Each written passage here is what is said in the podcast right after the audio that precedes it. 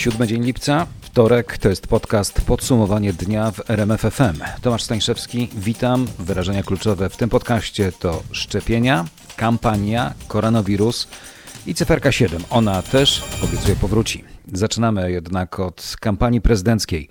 Trudy wyborczej walki prowadzonej od lutego do lipca dają się już kandydatom we znaki, tym bardziej, że każdego dnia powtarzać trzeba bardzo podobny scenariusz.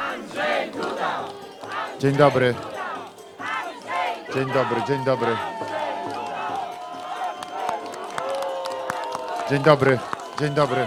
To akurat nie jest dobry. dobry dzień Andrzeja Dudy. Prezydium Naczelnej Rady Lekarskiej z oburzeniem przyjęło słowa prezydenta w sprawie obowiązkowych szczepień ochronnych oraz szczepień przeciwko grypie, które padły wczoraj podczas prezydenckiej debaty w Końskich. Niemal na koniec. Rozluźniony kandydat pod nieobecność kontrkandydata wypalił z broni dużego kalibru, szczególnie w tak wrażliwym czasie pandemii. Absolutnie nie jestem zwolennikiem jakichkolwiek szczepień obowiązkowych. Powiem Państwu otwarcie, ja osobiście nigdy się nie zaszczepiłem na grypę. Bo uważam, że nie. Miałem oczywiście różne szczepienia jako dziecko i później jako dorastający chłopak, ale na grypę się nigdy nie szczepiłem i nie chcę się szczepić. I uważam, że szczepienia na koronawirusa absolutnie nie powinny być obowiązkowe. Tymi słowami prezydent wywołał burzę, a potem wyjaśniał, że miał na myśli jedynie szczepienie przeciwko COVID-19 lub grypie. Że co, że szczepić na grypę może się ten, kto chce i nie jest to obowiązkowe? Tak powiedziała Naczelna Izba Lekarska? Bo ja wczoraj.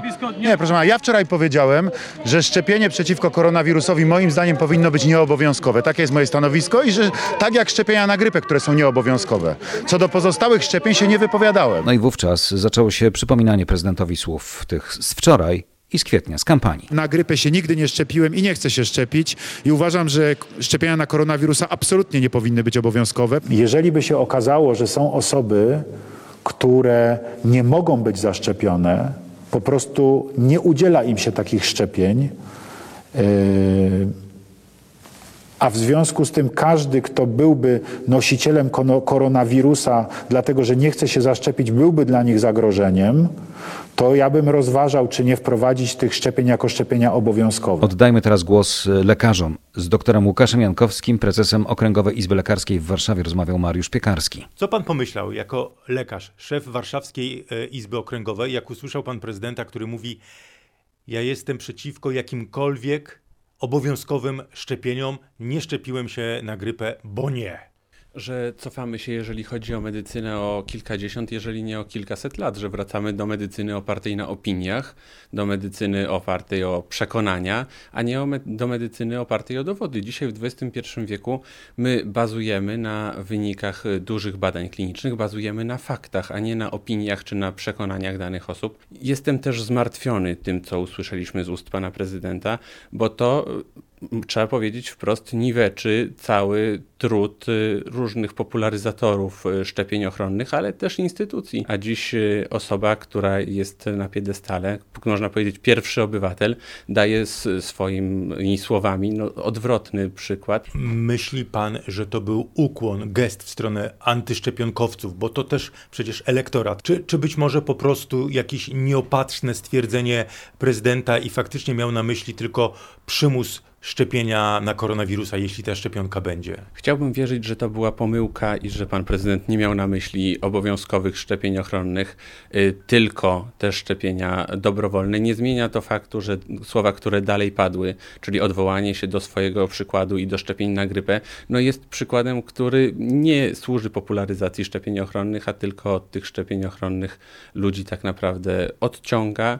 Dziś pan prezydent już tłumaczy, zresztą od razu tłumaczył, że chodziło mu o przymus, obowiązkowe szczepienia na koronawirusa. Pan daje wiarę takiemu tłumaczeniu? Jeżeli rzeczywiście to pan prezydent miał na myśli, to myślę, że warto, żeby pan prezydent wprost to powiedział, a dalej, żeby swoimi czynami poprzez popularyzację szczepień ochronnych również dał wyraz temu, że jest zdecydowanym zwolennikiem y, szczepień obowiązkowych. Myślę, że na to wszyscy czekamy, bo takie wsparcie ze strony pana prezydenta dla środowiska lekarskiego w popularyzacji szczepień ochronnych byłoby dziś bardzo ważne i potrzebne. Tyle doktor Łukasz Jankowski, prezes Okręgowej Izby Lekarskiej w Warszawie. Kampania trwa. Zobaczymy, co zrobi Andrzej Duda. A propos polityki i lekarzy, na temat koronawirusa jednym głosem nie mówił z nimi prezydent Brazylii Jair Bolsonaro, dziś z pozytywnym testem na koronawirusa. A wcześniej mówił, że to tylko mała grypa. Wcześniej, przypominam, Bolsonaro wielokrotnie lekceważąco wypowiadał się na temat epidemii, do niedawna nawet nie nosił maseczki, podkreślał. No.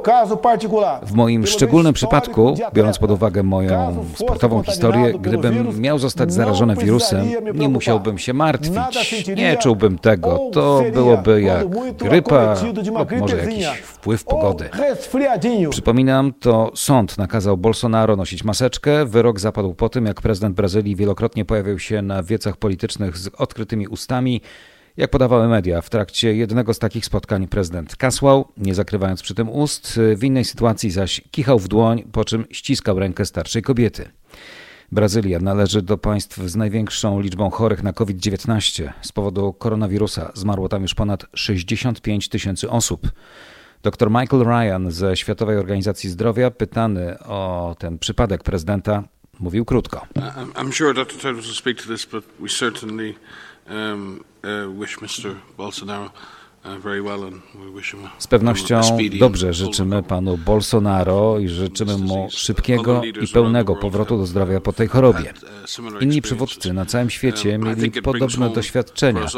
Myślę, że on uprzytamnia nam rzeczywistość tego właśnie wirusa. Nikt nie jest wyjątkowy pod tym względem. Wszyscy jesteśmy potencjalnie narażeni. Wirus tak naprawdę nie wie, kim jesteśmy, czy jesteśmy księciem, czy biedakiem. W Polsce dziś 257 nowych przypadków zakażeń. Ostatniej doby wykonano niespełna 21 tysięcy testów. Co na ten temat miał do powiedzenia rzecznik Ministerstwa Zdrowia Wojciech Andrusiewicz? 257 nowych przypadków zakażenia koronawirusem, z czego tak naprawdę tutaj udział swój największy mają dwa województwa, 91 zakażeń na Śląsku.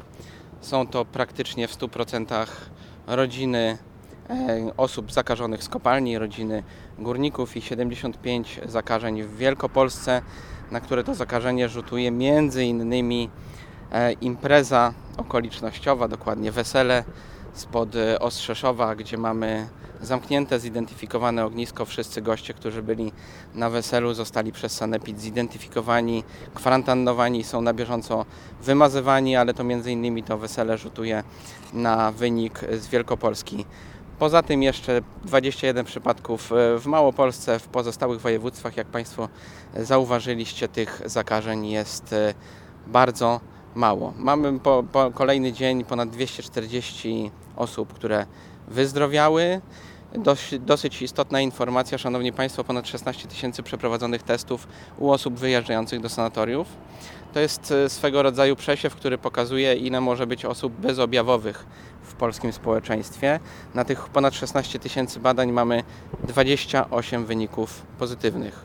Słownie 28, czyli jest to promil praktycznie wszystkich osób e, przebadanych. W Polsce zmarło siedmiu kolejnych zakażonych w wieku od 65 do 83 lat. Wszystkie zmarłe osoby miały choroby współistniejące, a w sumie do tej pory na COVID-19 w Polsce zmarło 1528 osób. W Europie to już ponad 200 tysięcy ofiar, ponad dwie trzecie z nich w Wielkiej Brytanii, tam ponad 44 tysiące ofiar. Następnie Włochy, prawie 35 tysięcy zgonów, Francja to prawie 30 tysięcy ofiar i Hiszpania 28 388 osób, które zginęły z powodu COVID-19. Teraz w faktach Warszawa i kolejny wypadek autobusu. Spółka Arriva przebada na obecność narkotyków wszystkich swoich kierowców. Taka decyzja, jak dowiedział się reporter RMFFM, zapadła po tym wypadku autobusu, który spowodował kierowca mogący być pod wpływem amfetaminy. Dwa tygodnie temu do aresztu trafił inny kierowca, także pod wpływem narkotyków, którego autobus, przypominam, spadł z mostu Grota Roweckiego. Krzysztof Zasada zajmował się tą sprawą. Krzysztofie, jak teraz będą wyglądały testy? Szefostwo przewoźnika zdecydowało na razie o jednorazowym zbadaniu swych pracowników narkotestami. Jak usłyszałem, rozpoczęto jednak wypracowywanie systemu stałych badań. Będą to rozwiązania systemowe, które możemy wdrożyć w ramach obowiązującego prawa, ponieważ jeżeli chodzi o testy dla pracowników pod kątem obecności narkotyków, pracodawca może je wykonać tylko wtedy, jeżeli ma uzasadnione podejrzenie, że pracownik jest pod ich wpływem. Powiedziała mi Joanna Pażniewska ze spółki. Dowiedziałeś się, że kierowca przyznał śledczym, że zażywał narkotyki. Tak, miał jednak powiedzieć, że zrobił to kilka dni temu. To teraz będzie weryfikowane, jak usłyszałem. Teraz od opinii biegłych będzie zależeć, w którą stronę pójdzie śledztwo w jego sprawie. Jeśli okaże się jednak, że brał amfetaminę bezpośrednio przed rozpoczęciem pracy albo podczas jazdy, wtedy grozi mu surowsza kara. A teraz ci, którzy głośno pikietowali dziś na Placu Zamkowym w Warszawie. Zwykle cisi i niewidzialni. Branża techniki estradowej to jest w Polsce nawet 300 tysięcy osób, ponieważ organizują duże widowiska i duże koncerty. Dziś w dobie pandemii koronawirusa nie mają z czego żyć, a większość nie obejmuje tarcza antykryzysowa. Nie widzisz nas i nie wiesz o naszym istnieniu. Dziś To jest nasza największa bolączka, bo banki nie mają litości. Oni nas już licytują, zabierają sprzęt. Jakie są Wasze postulaty? Naszych postulatów jest bardzo wiele, ale przede wszystkim chcemy być uczciwie traktowani przez rządzących. Do tej pory nikt nie chciał się podjąć rozmowy z nami, stąd ta pikieta. Potrzebujemy konkretnej pomocy finansowej. Potrzebujemy przeżyć ten czas do momentu, w którym będziemy mogli normalnie pracować. czy nas widać? Czy nas słychać? Z Piotrem Zajkiewiczem oraz Krzysztofem Polesińskim z branży estradowej rozmawiała Katarzyna Sobiechowska-Szuchta. Wracamy do kampanii prezydenckiej, bo tam jest głośno, dystans społeczny skracany jest do minimum, maseczki widać sporadycznie.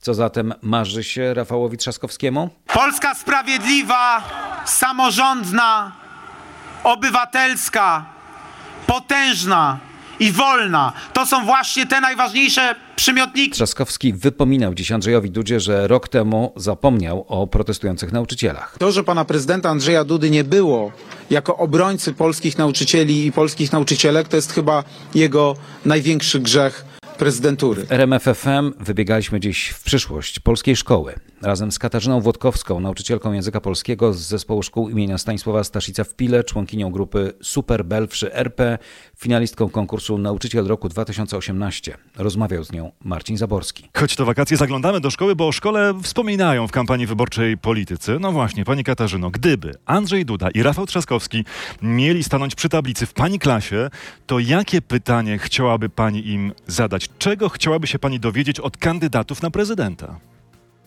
Y, Oczywiście temat mi najbliższy to edukacja, więc zapytałabym y, o to, gdzie, y, w jaki sposób wyobrażają sobie polską szkołę za 10-20 lat. Jakie mają plany, jakie pomysły, aby polska szkoła stała się innowacyjna i aby cała Europa patrzyła właśnie w naszym kierunku. No, ta innowacyjność jest troszkę wymuszana w ostatnich miesiącach przez e, epidemię koronawirusa. Czy kiedy zaczynała Pani wakacje, e, w swojej szkole usłyszała Pani, że we wrześniu wracacie do lekcji w klasach, e, czy raczej macie szykować się na powtórkę z online'u? Y, To znaczy, nie padły żadne konkretne deklaracje, także na wszelki wypadek y, przygotowuję opcje hybrydowe, y, opcje, gdybym miała znowu uczyć online, no ale cieszę się skrycie na myśl o tym, że będę mogła wrócić pod tablicę, wyściskać moich uczniów i zobaczyć ich face to face. Co było najsłabszym ogniwem zdalnego nauczania w ostatnich tygodniach, miesiącach? Y, To znaczy, lękiem i obawą napawa mnie myśl o tych, którzy z tej edukacji byli wykluczeni, czyli ci, którzy nie mieli dostęp, dostępu do internetu, y, którzy musieli współdzielić y, sprzęt z rodzeństwem, z rodzicami, którzy też pracowali zdalnie. Myślałam wtedy o tych wszystkich dzieciach, które po prostu zniknęły z systemu edukacji. Polskie Towarzystwo Edukacji Medialnej pokazało całkiem niedawno wyniki badań e, i w tych badaniach jest taki wniosek. E, Ponad połowa nauczycieli uznała, że materiał omawiany podczas zdalnej edukacji należałoby powtórzyć, przynajmniej częściowo. To chyba niedobrze. Y, No niedobrze, znaczy nie wiem jak to wyglądało y, u innych nauczycieli, wiem jak to wyglądało u mnie i y, ja na pewno tego materiału nie będę powtarzać. Jeżeli uczniowie zadeklarują, że jest taka potrzeba, aby pewne obszary utrwalić, powtórzyć, to zrobię to na ich, na ich prośbę, ale no też nie mogę powiedzieć, że to był czas zmarnowany. No A może tego 45% materiału nauczycieli przyznało, dużo po prostu. 45% nauczycieli przyznało, że do zdalnego nauczania są przygotowani w stopniu no, umiarkowanym lub wręcz małym. Prawie połowa pytanych nauczycieli tak odpowiedziała. E, Tak, to bardzo możliwe, dlatego że to na wszystkich spadło jak e, grom z jasnego nieba.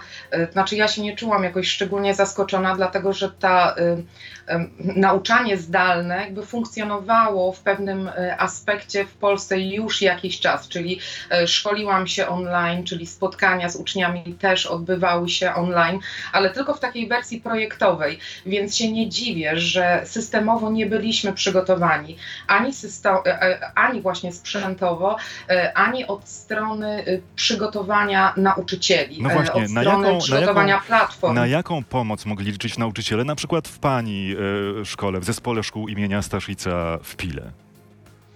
Na jaką pomoc, na y, życzliwość dyrekcji, y, na swoją, y, na swoją kreatywność. No, moja szkoła od lat jest szkołą w chmurze, więc dziennik elektroniczny chmura to jest coś, na czym pracowaliśmy od dawna. Także my mieliśmy od samego początku platformę, na której pracowaliśmy, na której się spotykaliśmy z uczniami. Więc jeżeli chodzi o ten aspekt, no to byliśmy zabezpieczeni. Ta rozmowa o polskiej szkole w całości na rmf24.pl. Wątkom kampanii wyborczej, nie tylko prezydenckiej, poświęcona była także poranna rozmowa w RMFFM Roberta Mazurka z Jackiem Sasinem. Wicepremier, minister aktywów państwowych zapewniał, cały czas zajmujemy się tematem reparacji od Niemiec. To jest e, trudne zagadnienie w relacjach polsko-niemieckich. czy pan mógłby odpowiedzieć na I- pytanie, jakie władze Rzeczpospolitej zajmują się tą kwestią? Czy, panie doktorze, to nie jest tak, że e, my możemy dzisiaj po kilkudziesięciu latach tak po prostu kawa na ławę usiąść z Niemcami, wyrzucić jakby temat reparacji i powiedzieć płaćcie. Od to pięciu lat. To są działania, które są prowadzone na wielu płaszczyznach. Na jakich konkretnie e, płaszczyznach? W medialnych, w rozmowach, czyli w ja. rozmowach, Ja pomiędzy, w rozmowach Rzeczpospolitej. pomiędzy politykami polskimi i niemieckimi ten temat jest obecny. Nie, nie, sekundę. Panie że tak premierze, jest. czy pan byłby łaskaw odpowiedzieć na pytanie, które Ale- ja zadałem, no a nie na te, które pan panu- sobie właśnie zadaje? panu odpowiadam. Nie. No pan się pyta, w jaki Jakie sposób, władze w jaki Rzeczpospolitej sposób zajmują się tą sprawą? E, formalnie nie ma stanowiska rządu w tej Rozumiem, sprawie, dziękuję czyli nie serdecznie. ma stanowiska negocjacyjnego z Niemcami, ale temat jest ciągle poruszany. Proszę Państwa, formalnie nikt, ale medialnie i ludzie sobie o tym mówią. Istnieje w relacjach polsko-niemieckich. Dobrze, to jeszcze jedno mm, na koniec pytanie, czy to będzie Armagedon dla PiSu, jak zwycięży Rafał Trzaskowski? Ja myślę, że nie zwycięży, ch- chociaż e, ta walka idzie łeb w łeb i może się oczywiście wszystko zdarzyć. E, Będziemy musieli wtedy rzeczywiście się zmierzyć z tą nową sytuacją. Na pewno będzie trudniej, ponieważ lepiej, jak się, lepiej jest dla Polski, jak jest współpraca między prezydentem a, a rządem. Tej współpracy między Rafałem Trzaskowskim, prezydentem Rzeczypospolitej, a rządem nie będzie, dlatego że Rafał Trzaskowski jej nie chce, chce wojny. Naturalnie, a wy chcecie pokoju, dajecie na to. Tak, my chcemy współpracy, bo mamy sporo do zrobienia PiS, w Polsce. po prostu PiS. Tak, mamy dużo PiS. w Polsce do Po zrobienia i dlatego mówimy Polakom na każdym możliwym, Panie premierze, każdym możliwym y, miejscu, pan że się warto, zaszczepi przeciwko ko- koronawirusowi, warto- jak już tylko znajdą tę szczepionkę? warto zachować tą zgodę pomiędzy e, po, poszczególnymi ośrodkami władzy. Nie wiem, nie rozważałem tego jeszcze. Ale Mm. dobrze by było, żeby to było dobrowolne, rzeczywiście, tak jak szczepionka na grypę. I tutaj Mm. podpisuję się pod tym, co powiedział pan prezydent Andrzej Duda. Jacek Sasin dziś w RMFFM razem z Robertem Mazurkiem powtarzali peace, no to teraz peace and love. Pokój i miłość. Te dwa słowa nieustannie powtarza dzisiejszy jubilat, 80-latek ex-Beatles Ringo Starr i zachęca, by o tych dwóch słowach pamiętać zawsze 7 lipca w jego urodziny. Przypomniał o tym po raz siódmy, o siódmej rano, siódmego dnia, siódmego miesiąca. Ta tradycja rośnie wraz e, z odpowiedziami, które otrzymuję. Zadano mi kiedyś pytanie, co chciałbyś na urodziny? Powiedziałem, dobrze byłoby, gdyby wszyscy na świecie mogli powiedzieć pokój i miłość. Pokój i miłość w samo południe 7 lipca. I ludzie to robią. Jestem szczęśliwy.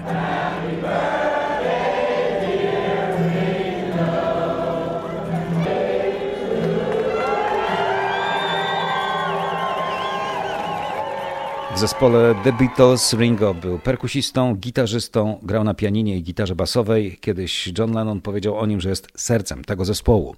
Przynajmniej jedna piosenka na każdym albumie Beatlesów dopasowana była do dość ograniczonych możliwości wokalnych Ringo Starra. Tak było innymi z Żółtą Łodzią Podwodną. In the town where I was born lived a man who sailed to sea, and he told his life in the land of submarine. Po rozpadzie zespołu, czyli po roku 70, Ringo Starr zajął się karierą aktorską i muzyczną. Wydał kilkanaście albumów, z których tylko Ringo, wydane w 1973 roku, okazał się jego największym sukcesem, ale nigdy nie osiągnął pierwszego miejsca na żadnej liście przebojów. W USA był drugi, w Wielkiej Brytanii siódmy. Ale Ringo pojawił się także jako muzyk sesyjny na płytach swoich kolegów z zespołu.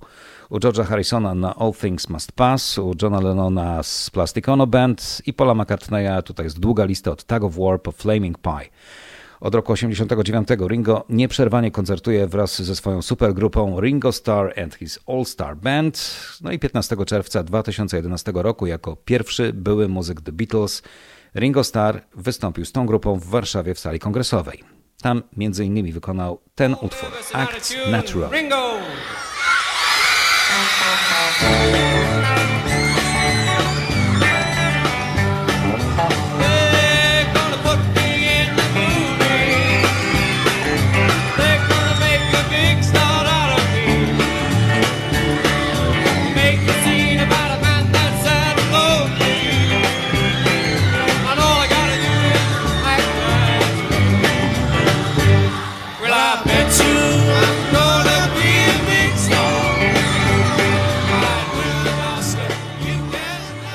To akurat wykonanie sprzed równo 55 lat, czwarte wydanie Ed Sullivan Show. Beatlesi zagrali sześć piosenek, a Star śpiewał o tym, że zamierzają dać mu rolę w filmie, zamierzają zrobić z niego wielką gwiazdę, a zrobią film o człowieku, który jest smutny i samotny.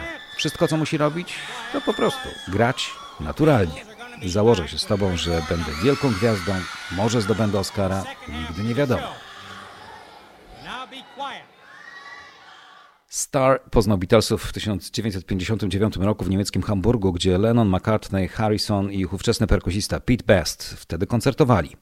Pierwsza trójka lepiej rozumiała się ze Starem niż z Bestem. Z kolei Starr nie widział swojej przeszłości w zespole The Hurricanes i w 1962 roku dołączył do Beatlesów. Na koniec Fernando Alonso, który wraca do Formuły 1. Jutro usłyszeć mamy oficjalny komunikat w tej sprawie. Od przyszłego sezonu Hiszpan ma być kierowcą Renault, tak przynajmniej informuje BBC. Alonso, przypominam, to dwukrotny mistrz świata Formuły 1. Oba tytuły w 2005 i 2006 roku zdobywał właśnie z Renault. Teraz jego partnerem ma być Esteban Ocon, czyli Alonso zastąpi Daniela Ricciardo, który po tym sezonie przechodzi do McLarena, a więc do zespołu, z którym dwa lata temu, mając dość jazdy w środku stawki, rozstawał się właśnie Fernando Alonso, ale przynajmniej stajnia z Walking uczyła się wtedy hiszpańskiego. McLaren Spanish for beginners. Lesson 1. Hello, my name is. Hola, mi amo. Mi llamo Jonathan. Mi motor es bueno. Mi motor es bueno. Hola, McLaren Racing. Alonso po rozstaniu z F1 brał udział w rajdzie Dakar. Został też dwukrotnym mistrzem wyścigów długodystansowych. Triumfował w 24-godzinnych wyścigach Le Mans i Daytona. A teraz przygotowuje się do trzeciej próby, by wygrać słynny wyścig Indianapolis 500. Start już w sierpniu. Zatem sprawdzajcie fakty w RMF FM.